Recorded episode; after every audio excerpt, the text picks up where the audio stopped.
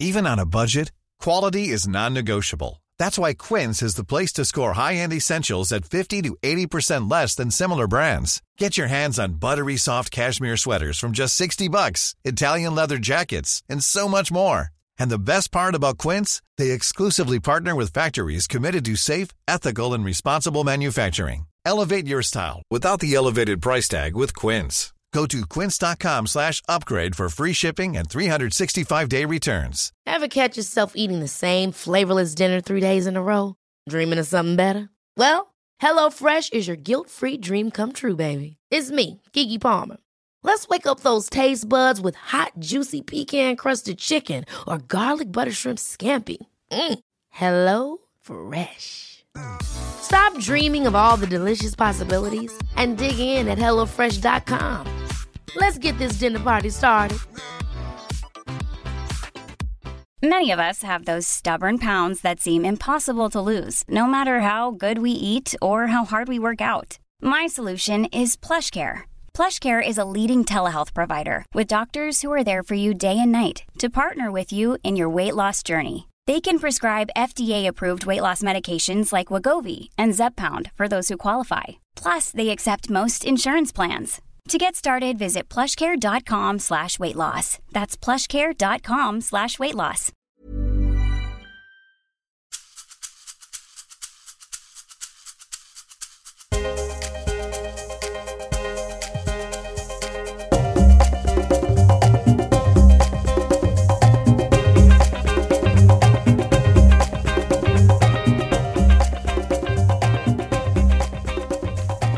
Hej, det här är Eva Ekedal och det tredje avsnittet av Karriärpodden.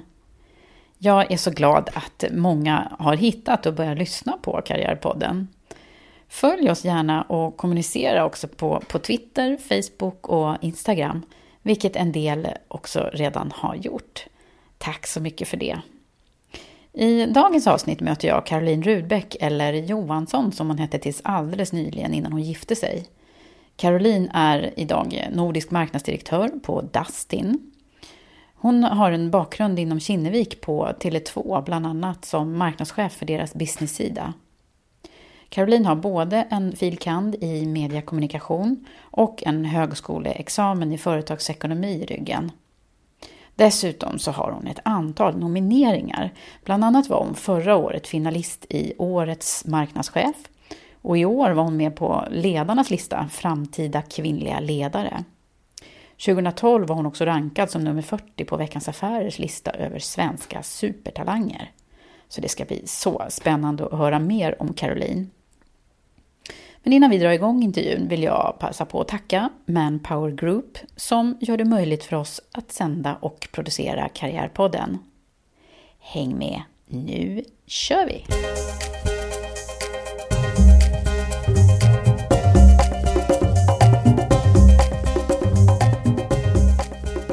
Välkommen hit! Tack! Du, vad det regnar idag. Ja, det regnar, men det är ganska mysigt. Vilket höstväder det blev. Mm, dugga lite här, ni kanske hörde också. Ja, sommaren känns långt borta, men det är ganska mysigt också på hösten. Jag gillar hösten. Gör du det? Mm. Kan man samla lite kraft och lite gå i det, tända ljus efter jobbet och Ja, eh, vila, ut, vila ut på ett annat och sätt. höstgrytor och rödvin och tända rätt. ljus. Ja. Men det ska vi inte ha nu. Nu ska vi ju fokusera på dig och din karriär. Precis. Och när du hörde mig prata om din, eh, din bakgrund och ditt CV här, vad, vad, vad tänker du själv då? Vad är det som är liksom din röda tråd? Min röda tråd har ju alltid varit runt kommunikation. Eh, men jag har nog inte egentligen planerat det så i detalj, utan jag har gjort det jag tyckt kändes rätt och där jag var intresserad av. Eh, och det har också mynnat ut i att, att det har gett bra resultat och det är för att jag tyckte det var roligt det jag har gjort. Så jag har nog aldrig från början haft en plan att jag ska bli det här när jag blir stor. Utan jag har liksom tagit ett steg i taget men vet att ah, men det här vill jag göra de nästkommande två år eller tre år. Och sen har jag följt min inre röda tråd. Vilket har gjort att det har gått väldigt bra för att jag har haft ett jobb och, och utbildningar som jag tycker är riktigt roliga. Ja. Så det tror jag är jätteviktigt att man känner vad, vad tycker jag om att göra. Men vad hade du för så här, dröm när du var liten då? Vad ville du bli? Nej, men jag kommer så väl ihåg, jag är uppvuxen i Oxelösund, en liten Ja. sjöstad 15 mil söderut från eh, Stockholm, eh, nära Skavsta. Eh, och så skulle jag eh, söka till gymnasiet, då gick jag i nian. Då kom det hemskickat en sån här eh, katalog, papperskatalog. Och så fanns det ett gymnasium som hade en helsida i färg. Och det var ett gymnasium som hette Mediagymnasiet i Nacka strand. Och då visste jag att ah, här vill jag gå och läsa liksom media. Okej. Ehm, och på den vägen var det. Så du blev fångad av, Ja, av, av det- det var- marknadsföringen Det, det var väl enkelt. bra reklam som Ja. fångade mig, ehm, färgen i katalogen. Ah. Och så var, började min eh, karriär och Ja. utbildningsbana. Ja. Så jag flyttade till Stockholm. Just det, så tidigt alltså. Mm, just det. Men du, eh, vad barndomsdrömmar sådär då, liksom, vad, när du var riktigt liten, ville du bli, vad ville du bli då? Jag, jag har inte riktigt något, något minne av sådär att oh, jag ville bli veterinär eller jag ville bli det här. Mm. Jag har faktiskt inget minne av att jag hade någon sån, så, sån liksom, eh, dröm. Men, men jag ville ganska tidigt flytta ifrån den staden som jag växte upp i då, Oxelösund. Eh, jättemysig liten liksom, kuststad, fantastisk på somrarna. Och fortfarande dit på somrarna och njuter av vatten och Mm, just det, klippor. Men på vintern finns det inte så mycket att göra. Så att jag kände tidigare att, att jag ville till en, en stor stad där, eh, där, där det fanns mycket fler, fler människor, fler utmaningar och där jag kunde träffa människor som inspirerade mig. För jag drivs fortfarande än idag av att träffa människor som är ehm, duktigare än jag, mer drivna. Det inspirerar mig, för, för då får jag motivation. Mm, så det är det, det, som- ja, det mm. motiverar mig och det kände jag tidigt att, att ehm, det kanske inte fanns samma puls i, i Oxelösund som, som i Stockholm. Så det, det triggade mig att, att jag ville flytta till en storstad. Mm. Så det var nog drömmen istället tror jag. Ja, okej. Och idag nu då, så är du ju nordisk marknadsdirektör på Dustin. Precis. Vad innebär det då? Ja, det innebär att, att eh, jag jobbar inom IT-branschen. Eh, Dustin, vi säljer ju IT och elektronik till företag och konsumenter. Just det, det är både företag och konsument. Ja, men, men eh, större delen av vår affär, eller största delen av vår affär är till B2B, SMB-marknaden, små och mellanstora företag. Okej. Och Dustin har ju verkat i 30 år och finns i Sverige, Norge, Danmark och Finland. Så där jobbar jag som nordisk marknadsdirektör. Eh, och det spännande i det uppdraget var just att vi verkar i Sverige, Norge, Danmark och Finland. Att få jobba med kommunikation, PR och CRM och kundintelligens i hela Norden. Jag såg det som ett, ett perfekt eh, steg att testa mina vingar eh, på ett, på ett nordisk nivå och på, på ett, eh, ett bolag som hade en annan ägarstruktur än ett börsbolag som jag kom från innan då, som var Tele2. Ja. Men Tele2-åren säger du, hur... För där gjorde du ju din, en, en ganska snabb karriär då. Mm. Hur kom du in där? Eh, Jag eh, jobbade på ett litet bolag innan som hette Reklamvision som var som en liten marknads... Eller reklambyrå kan man säga med bara tio anställda direkt efter min universitetstid. Eh, sen så hade jag en universitetskamrat som jobbade på Tele2 eh, som rekommenderade mig till en tjänst och de kontaktade mig som retention manager på Comvik. Comvik är ju eh, Tele2s kontantkortsvarumärke. Att, att sätta ska man säga, alla livscykeldialoger, när och var kontaktar vi kunden, vad säger vi och vad säger vi inte. Eh, så jag blev kontaktad av Tele2 eh, konsument då i den eh, retentionrollen eh, och, började på Tele2. Jag tror att jag var 25 år när jag började där. Eh, Och då hade du också hunnit plugga dubbla examina. Mm, jag, jag flyttade ut till Stockholm eh, som precis när jag fyllde 16, läste på gymnasiet i Nacka strand. Direkt efter gymnasiet så kände jag att ja, jag vill fortsätta med kommunikation. Så då började jag plugga på institutionen för journalistik och medier som låg vid Poppius. På Karlavägen som var Stockholms universitet. Eh, tog filkand i medie och kommunikationsvetenskap ganska teoretiskt så kände jag att men nu vill jag eh, addera med lite mer praktisk kunskap. Eh, så då eh, läste jag på GIHR på Stockholms universitet och tog en examen i företagsekonomi. Mycket mer tillämpligt och, och praktiskt. Eh, sen började jag jobba på eh, reklamvision Eh, under min studietid så hade jag också jobbat nästan 30-40 procent eh, extra på olika typer av helg och kvällsjobb. Herregud, hur, hur hinner du med människa? Men jag tror att när jag växte upp i Oxelösund så fanns inte så mycket jobb där. Nej. Eh, Så när jag kom till Stockholm som 15-åring och insåg att gud, det finns massor jobb. Man kan jobba på ICA, man kan jobba på Skopunkten. Så jag började direkt på gymnasiet att jobba på ICA Kvantum i Sickla, där jag bodde, på kvällar och helger. Eh, och var nog ganska fascinerad av möjligheten att faktiskt kunna tjäna sina egna pengar. Som inte fanns i den hemstad jag kom ifrån, där arbetslösheten var, var mycket högre och inte samma utbud av arbete fanns. Så att jag eh, fokuserade nog ganska mycket av min både gymnasietid och universitetstid på att jobba. Så mycket som man kunde då med studielån och såg det som en möjlighet eh, att få jobba. Och det gjorde också att det blev Men en hann du naturlig liksom del. få de fina studieresultaten också då? Ehm, ja, jag tror att när andra kanske var ute och ehm, gjorde andra saker. Levde studentlivsglada dagar? så, så Mm. eh, jobbade jag. Och det är inget jag känner att jag eh, saknar, utan jag tyckte att det var så fantastiskt givande att få tjäna mina egna pengar. Mm. Eh, och också så vill jag bygga upp en bra ekonomisk buffer för att kunna köpa ett boende.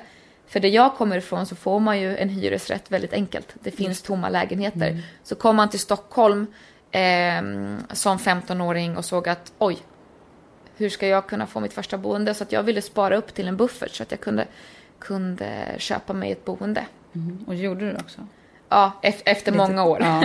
Eh, så eh, efter studietiden på universitetet, eh, så jag pluggade i fem år, så eh, började jag på reklamvision. Eh, fick jobbet på Tele2 som 25-åring tror jag, eller 26-åring, jag kommer faktiskt inte ihåg. Eh, och hade en fantastisk tid då på Kinneviks Tele2. Ett fantastiskt bolag att få pröva nya vingar. Och de, är, de är ju kända för lite hårt drivna också. Ja, men Kinnevik. jag skulle se det som ehm, att det jag gav in till Tele2, det fick jag tillbaka. Jag hade aldrig varit där jag är idag om jag inte hade jobbat på Tele2. Ja, det är så. Eh, Jag minns som då 26-åring i min andra roll på Tele2 efter ett år på Tele2 eh, då de sökte en marknadsprojektledare på Tele2 Business marknadsavdelning som då bara var en person. Eh, Jag sökte den rollen, kom till intervju med affärsområdeschefen. Martin Kullberg hette han. Eh, och så sa han, men varför ska eh, vi välja dig? Du har ju ingen erfarenhet från att göra reklamkampanjer eller köpa media. Eh, vilket jag inte hade. Eh, och då sa jag till honom att eh, jag vill det här, jag, kommer, jag lär mig snabbt. Och eh, om du ger mig chansen så ska jag visa att du har fel. Att du tror att man behöver mer erfarenhet. Och då på plats så sa han att ja, men rollen är din. Visa Ja, vad gjorde det på går för. plats till Ja. Ja. Och så fick jag en budget på 70 miljoner. Att göra och köpa och, och ta ut reklamen för Tele2 Business varumärke i Sverige. Jag hade aldrig gjort det innan. Nej. Vad kände du då? Jätteglad, men också livrädd många gånger. För jag visste inte alls hur man skulle göra.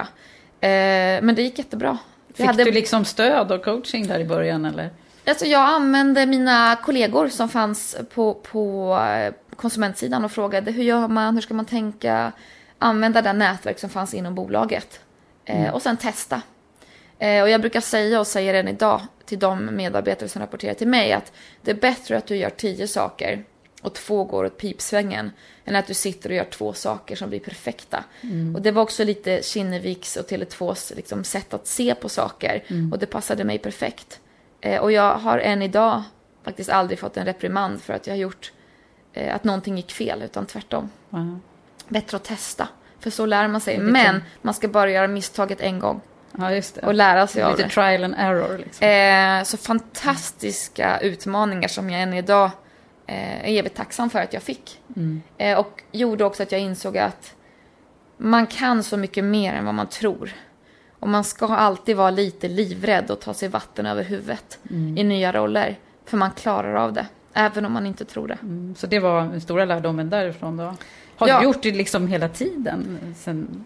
Ja, jag tycker att varje roll så, så har det varit liksom eh, ett större ansvar, mer medarbetare, successivt, successivt bytt roll på, på Tele2 fem roller då på mina sju år.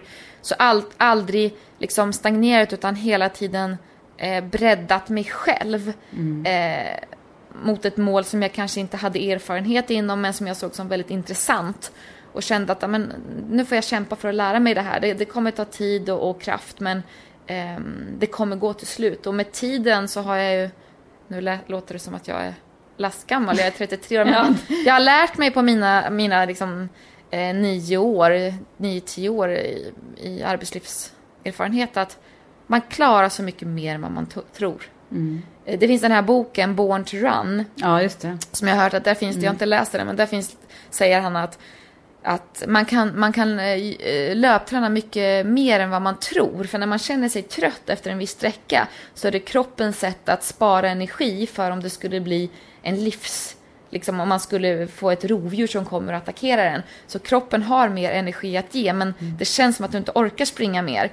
Och det är lite samma med, med ens ehm, arbets... eh, Liksom, Kapacitet. kapacitet. att ta en roll där du tror att du inte klarar av det. För, för Det, där gör är ju väldigt okvinnligt, Caroline. Det är, alltså åtminstone om man ska titta på så här, klyschorna som finns inom, inom eh, att, att tjejer inte säger att de, att de måste ha så mycket på fötterna för att annars så söker de inte jobben. Men det Ehm. stämmer inte på dig alltså? Nej, det stämmer inte på mig. Ehm, och då kanske det är lite baserat på också min, min uppväxt och min bakgrund, att jag känner att det finns så mycket möjligheter här i Stockholm jämfört med Oxelösund. Ja. Och känner att jag vill tillförskaffa mig de möjligheterna.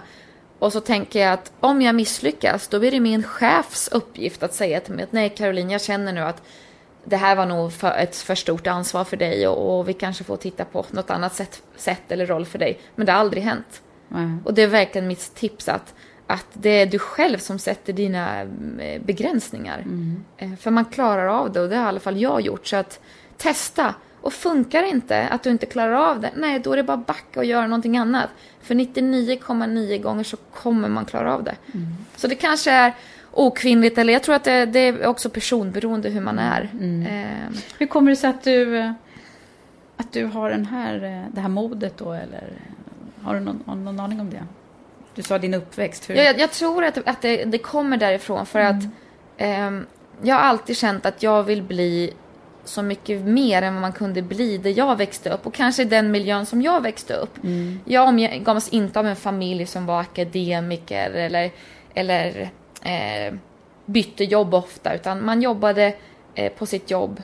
Eh, Vad gjorde din liv. mamma och pappa? Eh, Min pappa han, han jobbar på Sjöfartsverket i Oxelösund Mm. eh, och lotsar in båtar till hamnen. Det har han gjort i 40 år och kommer Ja. göra tills han går i pension. Och han älskar det Mm. och är, är jättenöjd med det. Men, men ehm, så känner inte jag. Jag vill testa nya jobb regelbundet.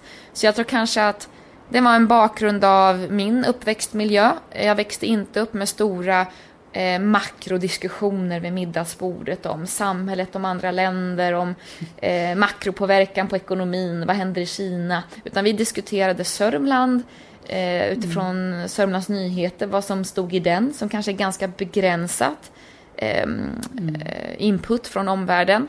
Eh, och kände att jag vill lära mig mer om, om Sverige och om världen.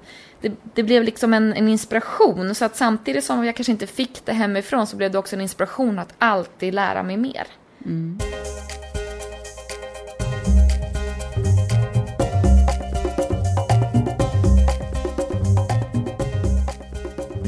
Har du syskon? Jag har syskon. Eh, jag har fyra eh, yngre syskon. Okej, då har vi en stora syster till här alltså. Ja. Mm. Eh, så äldst. Mm. Ehm, Har det präglat dig? det, det gör det väl säkert omedvetet att man är den som kanske tar hand om lite mer och styr upp. Eh, och jag tror väldigt mycket att jag, eh, jag styr upp saker. Jag är den som bokar in och jag ser till att det händer och strukturerar upp, förbereder och ehm, när vi gifte oss i somras, jag och min man, eh, så brukar man säga att man märker på talen vad man är för typ av person. Ja. Och mina tal handlar jättemycket om kontrollbehov och struktur. att jag gör invites i Outlook för alla privata saker vi gör. Eh, och min man, han är en tävlingsmänniska i sport. Och det framgick då ytterligheterna. Ja, ja. Eh, Så jag tror att eh, struktur är mitt sätt att, att ha eh, kontroll.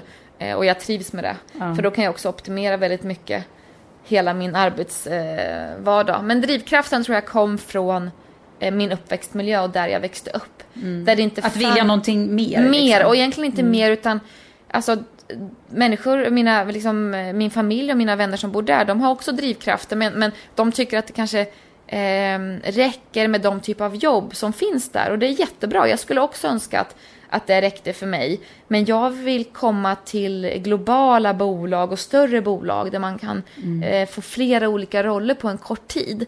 Så det är egentligen inte staden som, det var väl stadens utbud som inte räckte för mig. Nej, Inte lite. människorna eller familjen där, utan utbudet som fanns i staden. Ehm, och det, Hade du någon liksom inspirationskälla eller förebild där när du var liten som du kommer ihåg? Som, som fick dig att tänka de här banorna? Mm, Jag vet att jag hade eh, en kusin i Stockholm eh, som läste på Beckmans. Som alltid var lite av en inspiration för mig. Jag tyckte hon var duktig. Sandra Planeter heter hon och jag har idag en designbyrå som hon är vd på. Eh, som var en inspiration av mig som man träffar på jularna och sådär. Men sen tror jag att jag har egentligen inte haft en viss person som har varit min inspiration utan det har varit olika personer genom olika faser. Jag inspireras av människor som är duktiga, drivna och har väldigt mycket energi. För, som, som driver mig att känna, men gud den här personen verkligen kan och gör. Och jag måste också, nu måste jag lägga på ett kol till. Och det är olika personer genom olika faser. Så det kan ha varit allt från en chef. Eh, jag hade en chef på Tele2. Johanna Belinde hette hon som inspirerade mig väldigt mycket under de åren som hon var min chef. Vad var det hon eh, inspirerade dig Men det var, jag tror att hon var, var en, en stark kvinna som, som jobbade eh, i, i en mans, liksom vanlig mansroll. Eh, och sen hennes typ av personlighet inspirerade mig. Eh, jag har haft andra chefer, andra kollegor, eh, personer jag har träffat på olika nätverk eller i olika privata konstellationer som, som inspirerar mig. Och, så det är människorna som ger mig drivkraft att vilja mer. Just det. Det är så jag inspireras och får min kraft. Eh, och där också inspirationen till att börja på Dustin. Att jag fick en bra bild av bolaget i sig. Dustin är ju ett, ett av de lönsammaste bolagen i sin nisch.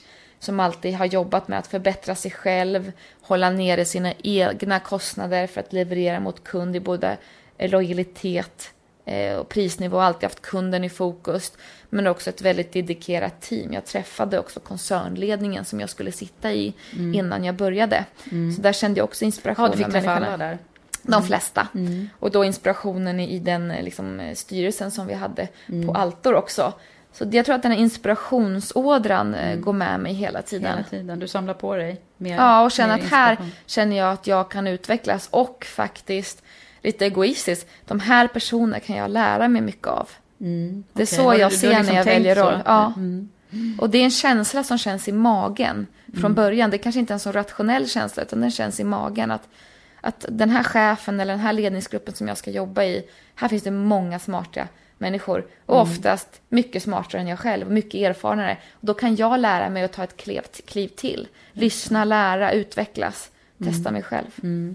Eh, och det var lite Klokt. drivkraften till att börja eh, på eh, Dustin. Men hur gick det till själva bytet då? Blev du headhuntad där eller?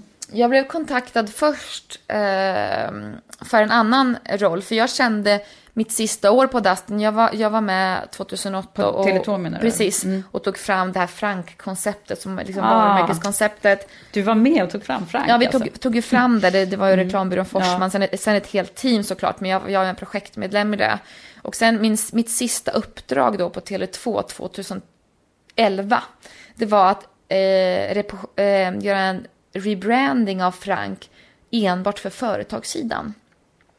Så, så det sista uppdraget jag gjorde var att, att, att eh, tillsammans med min avdelning då som jag var chef för var att eh, ta fram ett helt nytt koncept för Frank på företagsmarknaden som blev Makes Work eh, Work. Där man, man eh, 31 januari såg Frank i svartvita miljöer. Ah, ja. Han hälsade på Hotell Tylösand. Stena Line. Och det var eh, en reposition då för att förtydliga det konceptet på företagsmarknaden för att få ännu större genomslagskraft mot företagsmarknaden och skilja hur Frank approcherade konsumentmarknaden.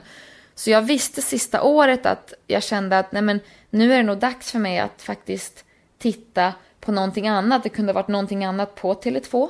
vilket Mm. jag också tittade på. Att kanske jobba på gruppnivå eller med någonting annat. Eller att titta utanför Tele2, för då kände jag att nu har jag varit på marknadsavdelningen i nästan till sju år och byggt upp en väldigt bra plattform för företagssidan som jag var ansvarig för eh, att bygga varumärket. Så att det blev mer av en förvalt, förvaltarfas från 2012 till 2015 att, att fylla varumärket med repetitiva kampanjer. Och jag tycker om att bygga upp och sätta struktur. När det är lite kaos så får man styra upp den strukturen med kontroll. Ja, just. Så jag kände Kommer att... dina, men- dina egenskaper Ja, jag kände nu har jag fått jättemånga utmaningar och, och Tele2 har verkligen gett mig jättemöjligheter. Så nu är det dags för mig att, att bidra med någonting annat till Tele2 eller någonting utanför. Så jag tittade lite på det under hela 2011. Och kom i takt eh, med en headhunter eh, för en annan roll på Dustin tidigare. Så vi hade en dialog. Sen kontaktade han mig eh, typ i januari 2012 och sa att nu har vi en ny position som marknadsdirektör på Dustin. Vi har varit i en annan dialog innan. Är du, intresserad av att sitta i Dustins koncernledning på den här rollen? För vi har fått, vi har fått gott intryck av dig. Så sa jag självklart. Kändes såklart ganska läskigt. Jag hade aldrig suttit i en koncernledning innan. Nej. Hade suttit i ledningsgruppen för affärsområdet B2B då på, på um, Tele2 för, för Sverige B2B. Så jag hade aldrig jobbat i en nordisk roll och i en nordisk liksom, koncernledning innan. Så att, men så sa jag självklart. Sa du det direkt? Ja, självklart. Och det är väl liksom mitt sätt. Säg ja bara direkt, Mm. Ja, fast det det. känns fel. Säg bara ja. Säg ja och sen först. Mm. tar du det därifrån. Sätt reflexen att säga ja, självklart. Eh, och därifrån eh, gick det. Och jag blev också väldigt eh, liksom, eh, positiv att få pröva mina vingar i den här rollen. Eh, även om jag trivdes väldigt bra eh, på Tele2. Men just också dynamiken i en liksom, lågmarginalbransch som Dustin är. Men de är ändå så lö- mest lönsamma i sin eh, nisch. Samtidigt som de le- levererar högst service. Och det är någonting som, som, jag, som står väldigt, mig väldigt varmt om hjärtat, att jobba med kundlojalitet. Min första roll på Tele2 var ju också som retention manager för att bygga upp kundlivscykeln mot kombikunderna. Så det där har gått med mig. Jag kände att vad spännande att få jobba i den här nischen som Dustin verkar i, som är väldigt konkurrensutsatt, där man måste jobba med kundlojalitet. Just det. Eh, Där Tele2 jobbar väldigt mycket med extern kommunikation. Man har liksom 300-400 miljoner till, till att gå ut i tv, radio och print för att jaga demand. Dustin verkar ju i en bransch där du måste vara bäst i dina egna kanaler och mot kunden för att få eh, en hög lönsamhet, vilket Dustin har. Så då fick jag liksom ta med mig det bästa från Tele2, varumärkeskunskapen, eh, erfarenheten om hur man bygger ett starkt varumärke och hur man gör liksom massmedia. Och lojalitet till ett bolag som jobbar väldigt mycket med kund och i sina egna kanaler först och främst innan man gör massmedia kommunikation. Och, och, och det nya intressanta var ju såklart eh, ledningsgruppen på Tele2. Eh, där jag, som innebär att jag måste vara med och vara insatt i många fler frågeställningar än bara marknadsföring och kommunikation. För min, min eh, roll på Dustin är att ta hand om Eh, all marknadsföring, alla kampanjer, PR och information, även intern kommunikation, ehm, eh, customer intelligence. Det första jag gjorde var att bygga upp ett CRM och insiktsteam som jobbar med segmenteringsmodeller, kundinsikter, drivkraftsanalyser. Så att vi, vi, vi började väldigt starkt eh, då, för 2012 när jag börjat, att eh, bygga om eh, min avdelning till att, att eh, jobba med insikter och analyser i varför ska vi göra den här kampanjen eller inte. Vad ser vi på kunderna? Vad drivs de av? Vad blir de missnöjda med? Vad blir de nöjda Okej, var det där nytt då när du kom in? Eh, Dustin hade sedan 1984, Dustins första ska man säga, tagline var i kunden i fokus. Okej, så det hade funnits från grunden eh, i grundarna då Bosse och Ulla eh, Lundevall som startade Dustin 84. Eh, så att det fanns alltid i, liksom, i fokus för Dustin. Eh, och att man var ett litet entreprenöriellt bolag. Det finns en väldigt så här, härlig historia om varför Dustin heter Dustin. Många ja, det kan man ju undra. Ja, låter många kanske tänker på- Smuts. Ja, Dust, eller så tänker man på Dustin Hoffman. ja, ja. Mm. Då var det så att Ulla och Bosse hade en, en eh, zoobutik, Guldfisken, i Farsta. Eh, Sen började de då eh, 84 att eh, importera floppydiskar från USA. Som de sålde då eh, vid disken här i zoobutiken. Sen såg de att det gick jättebra.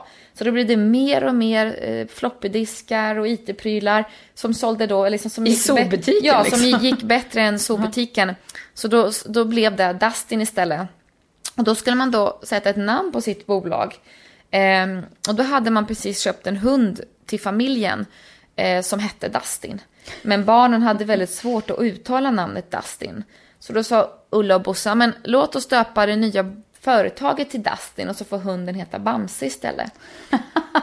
Vilken story! Och, och det liksom ger ju lite känslan och ryggraden av Dustin. Vi har fortfarande det här entreprenöriella, det lilla bolaget i det stora bolaget idag som omsätter 5,5 miljard. Men nu är det liksom med 919 tusen anställda, Ja. Mm. i hela Norden. Och jag älskar den där entreprenöriella andan som finns kvar, vilket fanns även på Tele2. Ja, fanns den på Tele2? Det tycker jag absolut. Som jag sa, att bättre att göra tio saker och två går åt pipsvängen än att du gör två och sitter och kurar på din kammare. Och samma DNA finns i Dustin, den här entreprenöriella bolaget där man saker går snabbt, det, det är liksom inga långa beslutsvägar, eh, man får ta beslut eh, direkt och snabbt. Så samma känsla, så det lockade mig väldigt mycket. Och känslan är att, att, att eh, man var väldigt kundfokuserat. Och, och det tror jag är lyckan också till Dustin, att vi är ett av de mest lönsamma bolagen i vår nisch. För att man alltid har jobbat utifrån kunden. Eh, Men du, hur har det gått då? Du har ju varit där i två år drygt, Mm. va? Eh, då sitter du med i koncernledningen och så. Precis. Hur, hur är det då att sitta med i en koncernledning? Eh, ja, jag tycker att eh, det är verkligen inspirerande och lärorikt samtidigt som jag själv hoppas att jag kan bidra till andra aspekter i koncernledningen än bara marknadskommunikation. Eh, för vårt jobb är ju att, driva bolaget framåt inom alla områden. Det är min specialistkompetens inom kommunikation, PR och, och kundinsikt. Så, så det tycker jag är en, en, liksom, en dynamik. Men det är ju spännande där. Jag var inne och kikade där på, på er sajt. På, och då är du den enda kvinnan. Ja, i dagsläget. Just det. Och hur är det då? Ehm, Jag tycker det är bara positivt. För det gör att min röst hörs mycket bättre bland mina kollegor. Ehm, Så jag ser det som en, en fördel.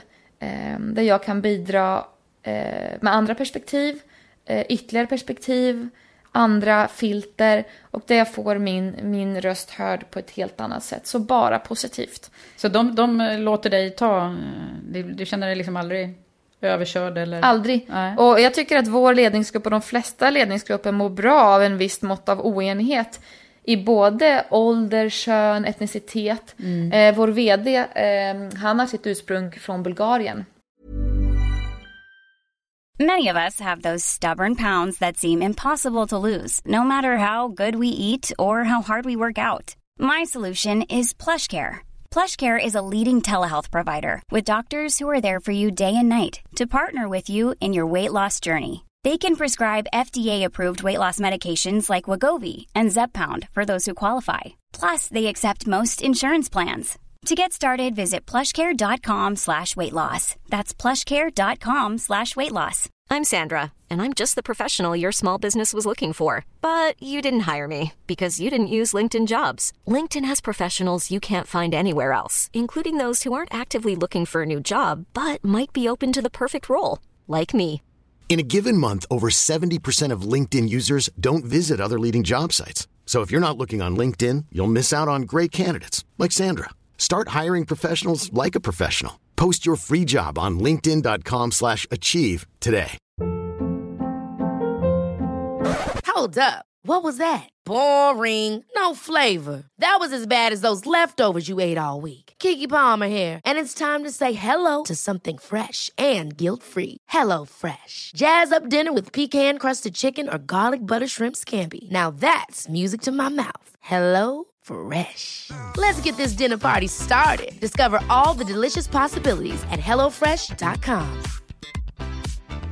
Hey, it's Ryan Reynolds, and I'm here with Keith, co star of my upcoming film, If, only in theaters, May 17th. Do you want to tell people the big news? All right, I'll do it. Sign up now and you'll get unlimited for $15 a month in six months of Paramount Plus Essential Plan on us. Mintmobile.com slash switch. Upfront payment of $45 equivalent to $15 per month. Unlimited over 40 gigabytes per month. Face lower speeds. Videos at 480p. Active Mint customers by 531.24 get six months of Paramount Plus Essential Plan. Auto renews after six months. Offer ends May 31st, 2024. Separate Paramount Plus registration required. Terms and conditions apply if rated PG. Wow. Nice. Yeah. What you're hearing are the sounds of people everywhere putting on Bombas socks, underwear, and t-shirts made from absurdly soft materials that feel like plush clouds. Yeah, that plush. And the best part? For every item you purchase, Bombas donates another to someone facing homelessness. Bombas. Big comfort for everyone. Go to bombas.com slash ACAST and use code ACAST for 20% off your first purchase. That's bombas.com slash ACAST. Code ACAST. Mm. Hans pappa kommer därifrån. Så jag tror att alla vårt eh, typ av o, liksom, olikheter driver en, en dynamisk eh, diskussion. Mm. Eh, den eh, skillnaden skapar man lättare med liksom, den här blandningen av kulturer och kön eh, i diskussionerna och det driver ju till en affärsnytta. Så, så jag tycker det är bara positivt att vara kvinna i Dustins koncernledning. Eh, Behöver du aldrig jobba med några härskartekniker och annat för att göra dig hörd? Nej, det tycker, jag tycker mer att det handlar om personer och person eh, kan vara kvinna eller man. Det handlar mer om personerna. Jag har träffat många kvinnor i min karriär också som jobbar med härskartekniker. Mm. Så jag, jag, tycker nog att det är mer personberoende. Sen, sen kanske... Eh, nej, jag tycker det mer handlar om hur personerna är och jag tycker vi har en jättebra dynamik. Och jag har faktiskt aldrig under min karriär känt eh, någonting negativt att jag har varit kvinna utan positivt. Och jag brukar säga till när jag träffar andra unga kvinnliga ledare och, och till de kvinnor som rapporterar till mig. Att eh, jag ser det som en fördel att vara kvinna idag och ha chefsansvar, budgetansvar, personalansvar. För jag tror att vi, och, och känner jättestarkt att vi kommer ha en fördel eh, i arbetsmarknaden. Därför att, låt oss säga om fem år och jag står inför en ny roll på Dustin eller på ett annat bolag så finns det eh, fem manliga eh, intressenter för den rollen och jag. Då är jag övertygad om att jag kommer få en fördel för att jag är en kvinna. Mm. Och kanske till och med kan ha lite mindre erfarenhet. Men man känner vad bra, vi behöver faktiskt få in en kvinna om det är en ledningsgrupp eller ett företag som inte har, har jämställt mellan, mellan könen då. Så hur ser du på kvotering då, om vi kommer till den lilla frågan? Hur jag ser på kvotering. Ehm, jag, ser, jag, jag tror att det blir en omedveten kvotering faktiskt idag. Även om vi inte har kvotering så tror jag att det blir det på något sätt omedvetet. För att det blir så mycket synligare nu att man måste titta på etnicitet, kön och alla, alla olikheter när man faktiskt tittar över en roll. Och jag tror att det, det automatiskt blir att är man eh, har man en annan etnisk bakgrund eller kön eh, som inte det företaget är starka i i dagsläget så tror jag att företaget medvetet tittar och lyfter fram sådana ansökningar och spekulanter lite högre i högen. Så jag tror att det här händer av sig själv faktiskt idag, även om det går långsamt. Mm. Men jag ser det som positivt. Men är du för att man ska införa det eller inte?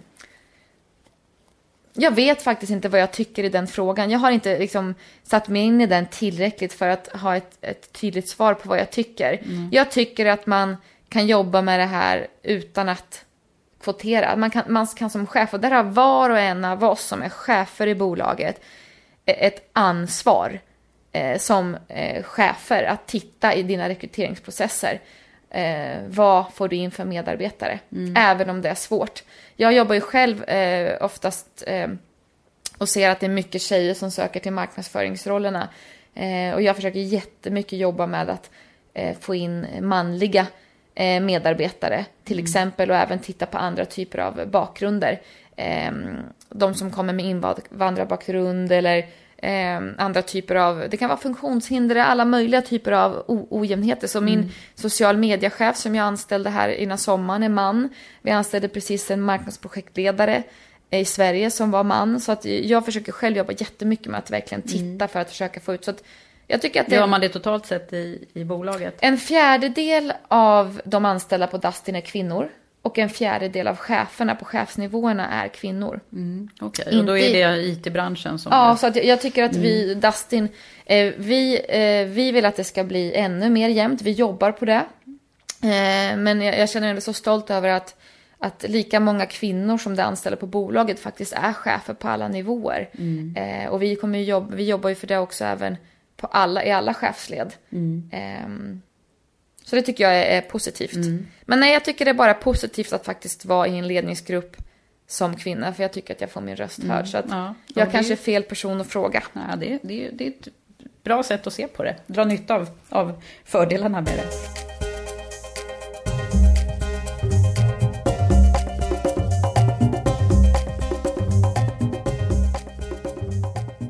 Du, om man skulle titta på dig i, i eh, ledarrollen då?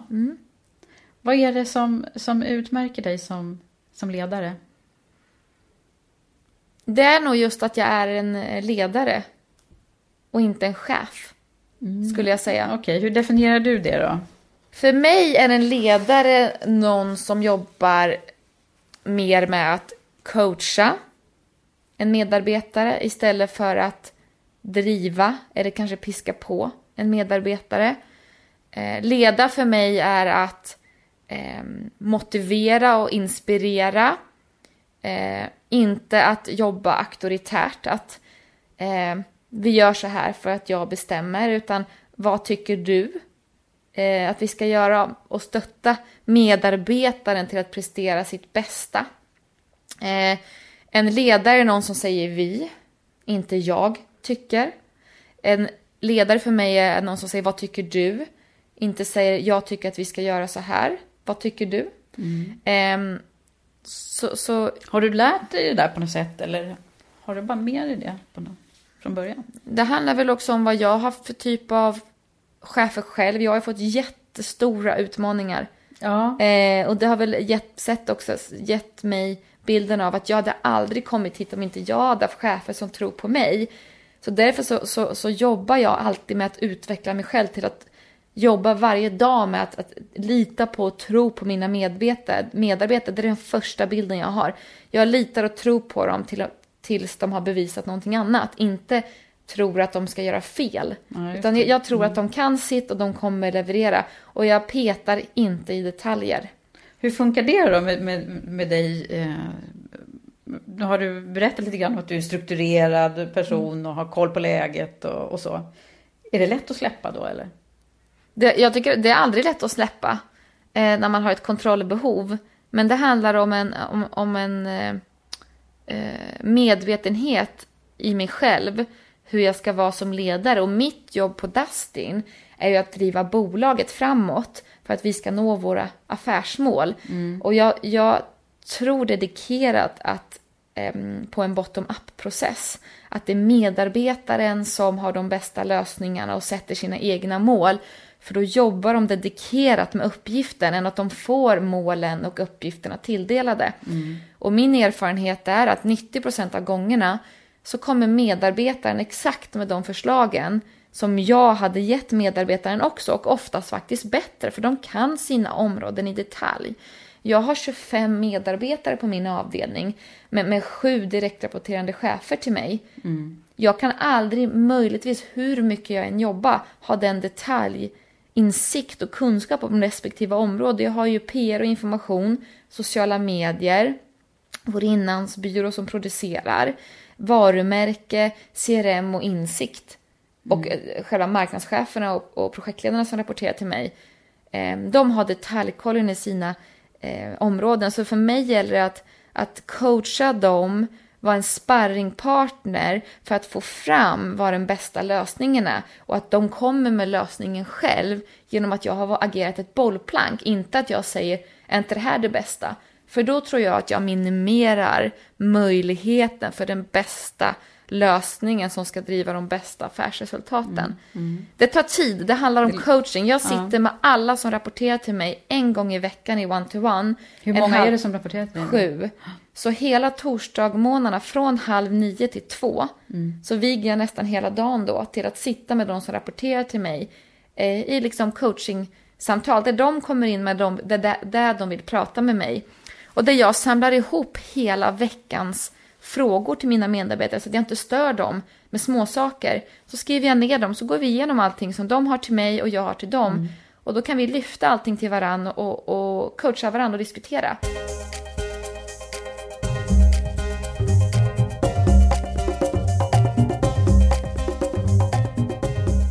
Det låter ju som, som det är fantastiska bra dagar för dig på jobbet. Har, har du alltid sådana eller, eller när har du det lite tuffare? Det är inte alls alltid bara bra dagar. Jag har både toppar och dalar. Eh, och det finns några dalar som jag minns som om det vore igår. Speciellt en dag som var kanelbullens dag för några år sedan på Tele2. Jag kommer faktiskt inte ihåg året idag. Men då Tele2 skulle göra en väldigt stor omorganisation och 180 medarbetare skulle gå på dagen. För vi hade arbetsbrist. Och eh, en person som rapporterade till mig påverkades av det här och skulle då få gå. Så dagen innan så förberedde jag mig så mycket man bara kan. Eh, hade faktiskt ont i magen, tyckte det var jobbigt att sova. Jag, jag led så i förhand med den här personen som jag visste om det här innan eh, personen i fråga. Eh, jättejobbigt. Eh, och dagen kom och jag fick kalla personen till ett möte och berätta att din funktion finns inte kvar. Eh, det här är ju en chockartad upplevelse för personen i fråga som inte har haft någon aning om att det här händer. Jag har ju ändå så fått eh, veckor på mig att, att förbereda mig. Eh, Ja, det blir ju chockbesked när det där kommer. Ja, och personen i fråga hade fyra barn. Eh, jag skulle gärna gett min egen roll till personen om det gick. Eh, man, man lider ju, och jag som chef led ju av att få ge, behöva ge det här beskedet. Det var inget jag ville, utan det var ju för att kunna fullfölja vår affär och nå de mål som Tele2 hade. Frågor som vad har jag gjort för fel, vad kan jag förbättra? Eh, kom såklart upp. Och då är det jätteviktigt att vara tydlig med att det är ingenting du har gjort, det är rollen som inte finns kvar. Eh, jättetufft. De här eh, tråkiga situationerna kommer ju fortsätta hända under eh, min och andras nej, karriärer. Men det kommer nog alltid göra lika ont i magen. Ehm, så det är jobbigt. Dalar när, när någon typ av medarbetare liksom far illa. Ehm, även idag i min roll i koncernledning på Dustin så finns det tillfällen där jag ska presentera något för koncernledningen eller för styrelsen och vi behöver ta ett, ett beslut. Och jag känner att jag inte är förberedd så mycket som jag skulle vilja. Vi pratade... Just det, det är sånt som du kanske vill göra Ja. annars, ja. Med tanke på din struktur och kontroll. Vi pratar om det. Eh, och då kan, man, ju- då, då kan man ju känna sig lite otillräcklig, eh, få lite liksom oro i magen, kanske lite lättare panik ibland. Eh, och känna sig liksom illa till mods för att man inte liksom har svar på allting som man vill och kanske tänka jag hoppas att inte Lars ställer frågan om eh, datan i den här modellen. Eh, men, men erfarenheten och det jag har lärt mig är att man behöver faktiskt inte kunna allt vid ett tillfälle. Eh, man kan säga, jag vet faktiskt inte, jag har inte den informationen just nu, men jag ber om att få återkomma Lars. Och det är inget nederlag. Så det, det är en erfarenhet som jag tar med mig, att man behöver inte kunna allting just den gången man får frågan. Utan man kan komma tillbaka. Och det inger faktiskt också förtroende. För, för du har säkert haft någon kollega själv Eva som kan allt och i alla möten säger, ah, så har den svar på tal på allt. Och då undrar man, är det verkligen så att den kan allting om sitt område här och nu i realtid? Så jag tycker också att det är förtroendeingivande att kunna vara så pass trygg och säga att jag vet faktiskt inte, jag återkommer.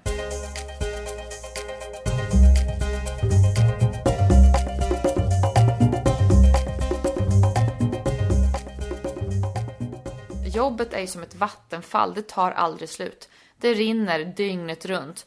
Och du som medarbetare går in och gör ditt bästa under en viss förutsatt tid. Och då gäller det att inte försöka få vattenfallet att sina för då kommer man bränna ut sig. Utan jobba väldigt mycket med att jag går in klockan åtta i vattenfallet och jag går ut klockan fem. Sen kanske jag eh, går in i vattenfallet olika stunder någon gång på kvällen och kanske någon gång på helgen om jag vill och behöver. Eh, men att ha den liksom tank, mindsetet att det är ett fullt rinnande vattenfall dygnet runt. Och därför så jobbar jag väldigt mycket med mig själv också. Eh, eh, som för tillfället så går jag en, en, en eh, mindfulness, inte en utbildning men mindful, tio gånger mindfulness. Mm, vad härligt, det är så bra. Ja, på måndagar direkt efter jobbet. Och jobbar och utvecklar hjärnan som man gör då, för det finns ju många studier som visar att man blir mycket mer produktiv och man kan lära sig att bestämma över sin tankeverksamhet. Och då ska man hålla en tanke i huvudet under 45 minuter. Och det är jättesvårt. Men det, det, det visar också att om man lär sig det här och jobbar med det så, så får man också mycket större möjlighet för hjärnan att välja den här tanken ska jag inte tänka på nu. Jag sparar den tills på tisdag klockan två. För då har jag tid att, att, att tänka på den. Och det tror jag är jätteviktigt också med högpresterande personer och i roller som är väldigt påfrestande. Att man kan inte göra allting på en gång, man måste sortera ut. Så där behövs en viss typ av eh, eh, struktur. Men du, det låter ju som din, om man tittar på din ledarstil, det låter ju som du alltid har, eh, eller som du har den här eh, coachande ledarstilen. Hur, hur, hur fick du den då? Jag tror nog att jag har haft med mig den typen av ledarstil från min barndom. Jag är uppvuxen i en familj som liknar filmen som du kanske har sett som heter Tomten är far till alla barnen. Det, ty- ja, det tycker jag är en bra bild av min familj. Jag har ju fyra eh, halvsyskon. Vi är fyra olika familjekonstellationer. Så det finns såklart en biologisk pappa och en styvpappa Eh, och någon plastpappa under årens eh, gång. Eh, olika mammor, mostrar, eh, mormor, eh, farfar. Ja, det är den sanna 80-talistfamiljen där. Eh, precis. Eh, så att jag har växt upp att, att få anpassa mig och lära mig att faktiskt ehm, tyda människor ganska bra. Att här ska man vara så här, här ska man inte vara så här. Den här personen gillar det här eller inte. Och det tror jag har gjort att jag är ganska van att, att vara ödmjuk och anpassa mig utefter eh, liksom familjestrukturen då i mitt privatliv och uppväxt som idag blir att anpassa mig till olika typer av människor. Eh, så det tror jag också gör att jag, jag kan vara väldigt eh, coachande för jag, jag eh, jag tar inte saker personligt på jobbet. Man kan ha kollegor som liksom blir helt röda i ansiktet och det blåser ånga ur öronen för att de tar illa upp i en dialog, för de tar det personligt istället för att de tänker att det är funktionellt. Jag tar inte mycket saker personligt.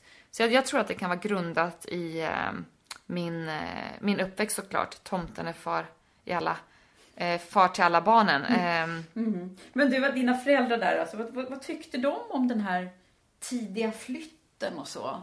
Var, Ja, var jag de flyttade- med på det eller vad gjorde du? Revolt där då? Nej, jag flyttade ju hemifrån eh, samma månad som jag skulle fylla 16 år ehm, för att plugga på mediegymnasiet i Nacka strand ehm, med en kompis då från Oxelösund som skulle också läsa på det gymnasiet.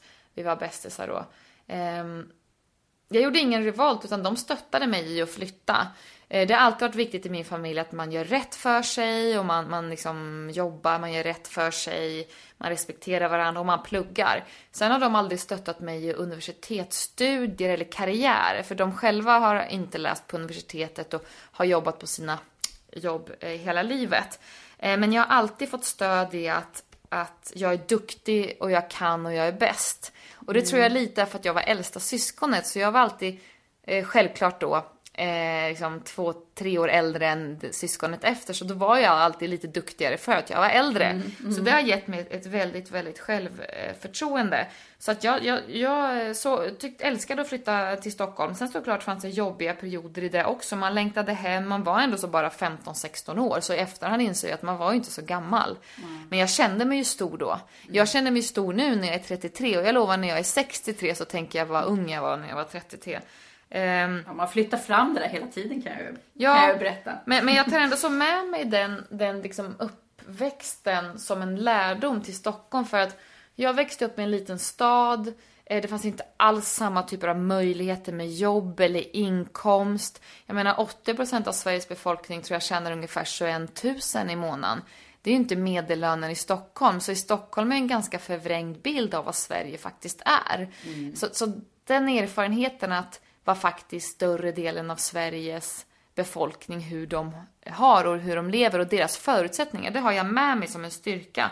För när jag flyttade till Stockholm, jag visste inte vad mm, Ralph Lauren var eller vad Gucci var. Och Jag åt ute på restaurang två gånger på år. Inte mm, flera gånger i veckan som jag gör idag, after work eller after school. Det visste jag inte vad det var. Det finns inte där jag kommer ifrån. Så att Det tror jag är någonting som har gjort mig också väldigt prestigelös och, och pragmatisk. Att jag vet att det finns, de flesta lever faktiskt ett annorlunda liv än vad, vad, vad storstadspulsen eh, ger. Mm. Men du, om jag skulle fråga någon annan ifrån Oxelösund när du växte, där du växte Mm. upp, vad, vad, vad skulle de säga om dig idag? Skulle de kunna liksom gissa att du är den du är idag? Ja, det tror jag. Jag minns så tydligt eh, när jag var 13 år så söktes det i Sörmlands Nyheter i tidningen att man kunde jobba, jobba sommarjobba i fyra veckor på så här kommunjobb innan man fyllde 15. Och då fick man 2000 kronor och då jobbar man klockan 8 till 12 på dagarna. Och då eh, sökte jag dit och fick jobb på biblioteket och var jätteglad. Jag ställde upp böcker i hyllorna. Och sen tyckte jag att borden där på biblioteket, eh, det var så trist miljö, så här mörkt och tråkigt. Så då sa jag att jag skulle alltså sy dukar till alla borden, så skulle jag kunna få gå och köpa tyg liksom, eh, och så sy det. Och självklart så då föreståndaren får du göra. Um, alltså det, jag tror alltid jag har haft med mig att jag, jag har tyckt om att ha mycket att göra. Och jag vet även i, i nian så hade vi prov på världskrigen och eh, Kennan hette vår SO-lärare som vi hade då. Um, då frågade jag honom, kan inte jag få göra proven till klassen för första och andra världskriget? För du vet att jag kommer nästan alla rätt ändå. Och det kom, jag kommer ju lägga ner mer tid och lära mig mer om jag gör proven än om jag bara sitter och pluggar till tentan. Ja visst, sa han. Eh, så jag fick göra proven, eh, rätta dem och ge betyg då på proven till mina klasskamrater. I efterhand så inser jag väl att de lär tyckte att jag var jättejobbig, mina klasskamrater. Men då tyckte jag att det var en väldigt eh, rolig sak och jag lärde mig väldigt mycket av det också. Så jag tror alltid att jag har aldrig varit rädd för att fråga. Eh, eller nej, eh, få, det värsta man kan få är ett nej. Eh, så att, jo, men jag tror att eh, de som, som jag växte upp med skulle säga att, att eh, det är inte konstigt att jag är det jag är idag och är som jag är idag. Eh, jag tycker om att ha mycket att göra. Eh, Det låter ju verkligen så som du, och så då undrar man ju genast, är det så alltid eller, eller kan du ta det lugnt någon gång ibland eller? Jag behöver ta det jättelugnt. Jag brukar säga att jag är som ehm, en Duracell-kanin. Det- finns en reklamfilm med Duracell, det är en, rosa kanin som står och trummar jättemycket och sen helt plötsligt så bara stannar han. Och det är lite jag. jag. Jag är jätteaktiv när jag är igång. Sen behöver jag verkligen tid att ta det lugnt. Jag kan jättegärna vara hemma en hel helg. Komma hem på fredagen vid sex och sen vara hemma en hel helg Eh, utan att göra någonting och gå till jobbet på måndagen. Nu händer inte det för min man. Han är tvärtom, han vill göra mycket på helgerna. Men jag har inget emot att bara vara hemma, ta det lugnt, det kommer hem någon på middag. Så jag behöver verkligen ta det lugnt och samla kraft. Annars skulle jag liksom aldrig orka och, och jobba så här mycket också. För man, alla måste hitta sina sätt att och, eh, vila upp sig. Sen så får jag också väldigt mycket eh, energi från att göra saker som kanske låter som att man, man är väldigt aktiv också. Som när jag slutade på Tele2, eller perioden mellan Tele2 och Dustin, så fick inte jag några nya projekt på Tele2 som var av strategisk eller finansiell karaktär. Och, eh, för de höll på att liksom, fasa ut mig. Så då eh, signade jag upp mig på att ta grönt kort i golf med en väninna. Eh, gick, jag gick en vinkurs med min man. Eh, och ehm, jag tog jägarexamen samtidigt. Så det var sex månader. Allt på en gång liksom? Ja, ehm, för, för då kände jag att jag hade tid över. Men det gav ju också energi. Så det låter som det är en växelverkan mellan jättemycket att göra, många järn i elden och sen, och sen väldigt lugnt. Ja, jag, jag har en balans där. Men jag måste ta det väldigt lugnt också. Jag måste ju också passa på att säga grattis för dig, för du, till dig, för du har ju fått en massa utmärkelser, Caroline. Ja, en ma- massa vet Ja, men inte, i alla fall har jag läst mig till ett antal här. Det är supertalang i Veckans Affärers eh, eh, lista 2012 var det va? Mm. Och nu är du nominerad som Årets marknadschef. Ja, det var, det var förra året så var jag Ja, finalist i Årets marknadschef och, och i våras så ehm, eh, hade jag eh, lyckan att, att få vara med på listan för Sveriges framtida kvinnliga ledarna, ledare, som ledarna gör. Och ehm, de här utmärkelserna ser ju jag som en vinst för hela mitt team på Dustin och mina tidigare team. Utan dem så hade ju inte jag varit framgångsrik. Och sen så vill jag också passa på att tacka de chefer som jag har haft genom åren och som har gett mig eh, möjligheten att ta chanser. Och sen så de här priserna, något som jag verkligen hoppas på är att det inspirerar andra kvinnor eh, till chansen och till många att ta chansen. Eh, men jag tror att, att, eh, att jag har fått de här utmärkelserna, det, det är lite summan av att jag faktiskt fortfarande och alltid kommer jobba med att utveckla mig själv till att bli en bättre ledare.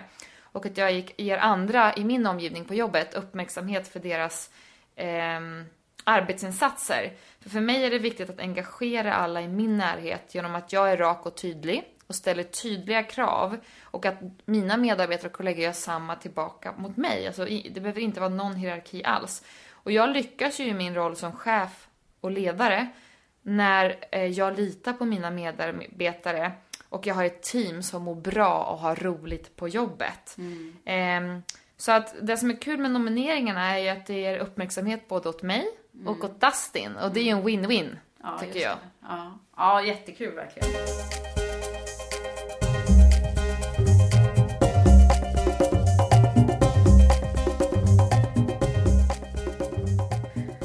Eh, vad är det nu för vägskäl som eh, har funnits i ditt liv eller finns i ditt liv när, när du känner att det, när det har funnits avgörande, ja, när man behöver kanske svänga om eller?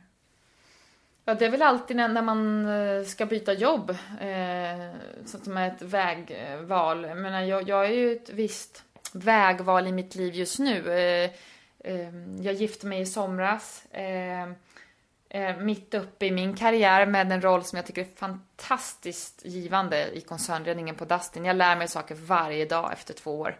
Jag har lärt mig så mycket eh, och kommer fortsätta lära mig mycket. Eh, min man eh, har också ett väldigt spännande jobb. Ehm, och vi vill ju samtidigt såklart eh, i framtiden skaffa familj.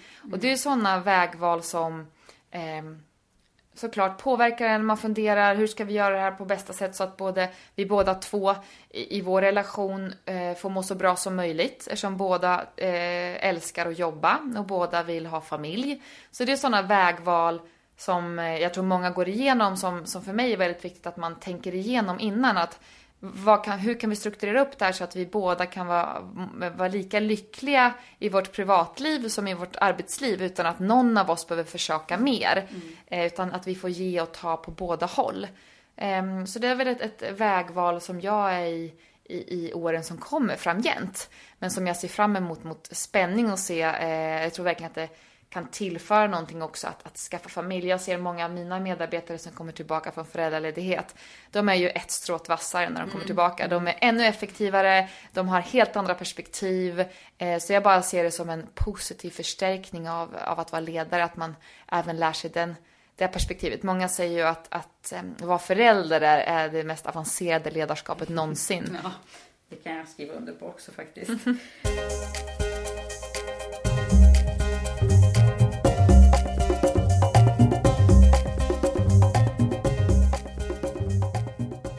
Du, men nu har vi ju en massa lyssnare som eh, kanske är några duktiga tjejer som sitter där ute och som funderar på vilka karriärsteg de ska ta och ska de ge sig in kanske i sin första ledarroll eller så.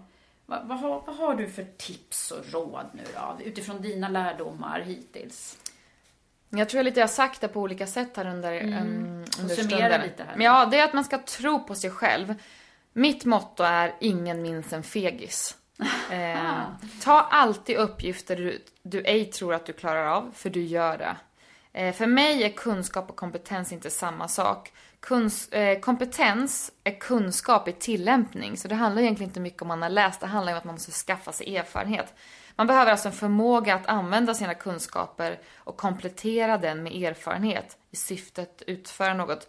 Så mitt tips är att ta chansen att få så mycket tillämpning som mycket, alltså erfarenhet. Mm. Även om du tror att du ej klarar av det, för det gör du. Så att våga liksom, ja. lite mer än vad man... Ja. Jag brukar säga så här, man måste ha ett visst mått av hybris, mm. alltså lite övermod eh, hela tiden. Och alltid som jag sa tidigare, mm. säg bara ja.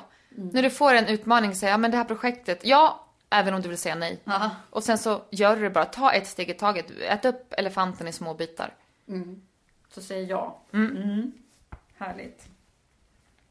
Är det något mer som du vill summera? Ja, men det, det, går väl ihop med också ledarskapstipsen. Att, att liksom, eh, om det är din första roll som ledare eller, eller ledare kan ju också, det behöver inte betyda att du har personalansvar. Det kan vara att du är någon som leder andra eller andra typer av team.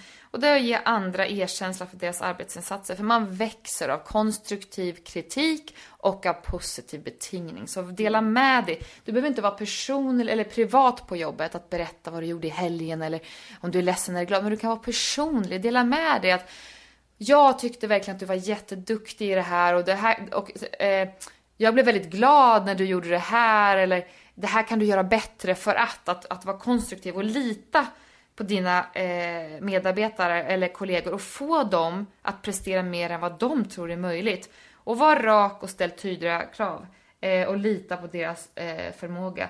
Och sen det viktigaste av allt, se till att dina medarbetare och kollegor och du har roligt på jobbet. Mm. för då kommer det gå bra. För ja. det har jag varje dag. Ja, vad härligt. Mm. Vad roligt att du har varit här, Caroline. Vad kul att vara här, Eva, och tack för att jag fick komma. Ja, tack så mycket. Tack. Hej, hej.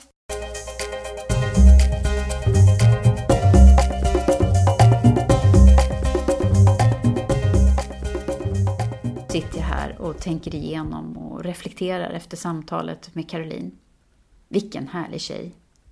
Att få höra om hennes resa från Oxelösund och, och nu är hon nordisk marknadsdirektör.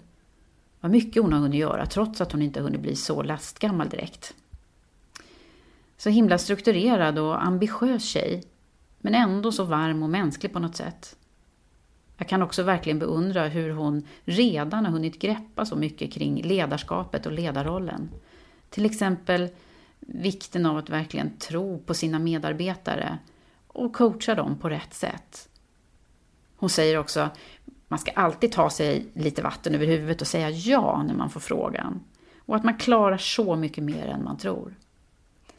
Det tycker jag verkligen att Caroline är ett bra exempel på. Och det ska bli så spännande att fortsätta följa hennes resa. Karriärpodden görs i samarbete med Manpower Group, Sveriges ledande kompetensföretag med fokus på ett hållbart arbetsliv. Tack för idag. Vi hörs snart igen.